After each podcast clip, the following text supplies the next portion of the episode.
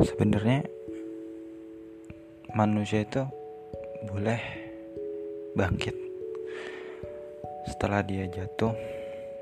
Bahkan berkali-kali bangkit pun rasanya nggak masalah karena hidup itu harus dimenangkan dan diperjuangkan apa pun kita dan siapa pun kita. Kita pun boleh memulai berkali-kali setelah banyak kisah yang harus berakhir ketika kita menonton film dan itu berakhir kita akan beralih ke film lagi yang baru. Begitu seterusnya sampai kita meninggal. Jadi apa intinya dari podcast ini? Intinya adalah kita tuh diberikan kesempatan yang banyak oleh semesta untuk menikmati banyak hal dari Tuhan. Meskipun gak semua hal bisa kita coba. Hanya hal-hal prioritas. Karena apa? karena waktu kita terbatas.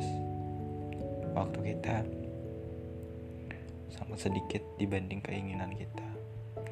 Misalkan kalau kita mau belanja dalam satu toko itu tersedia banyak macam barang.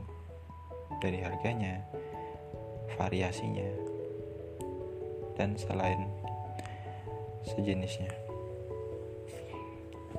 tapi kita cuma punya uang sedikit. Jadi nggak bisa beli semuanya. Cuma bisa beli barang-barang yang benar-benar kita butuhkan. Seperti itulah waktu yang kita punya. Makanya aku coba mikir kalau kita masih ada kesempatan gitu ya untuk belajar menikmati masa muda untuk bekerja lebih keras. Itu ya digunakan aja gitu loh. Seperti saatnya sekarang tuh masa-masa anak muda tuh banyak banget ya. Anak SMA anak kuliahan anak SMP itu banyak banget. Ya cuman masalahnya adalah mereka tuh kurang bisa mengoptimalkan potensi termasuk diriku sendiri pun belum maksimal. Gimana sih caranya ya? Aku juga nggak tahu.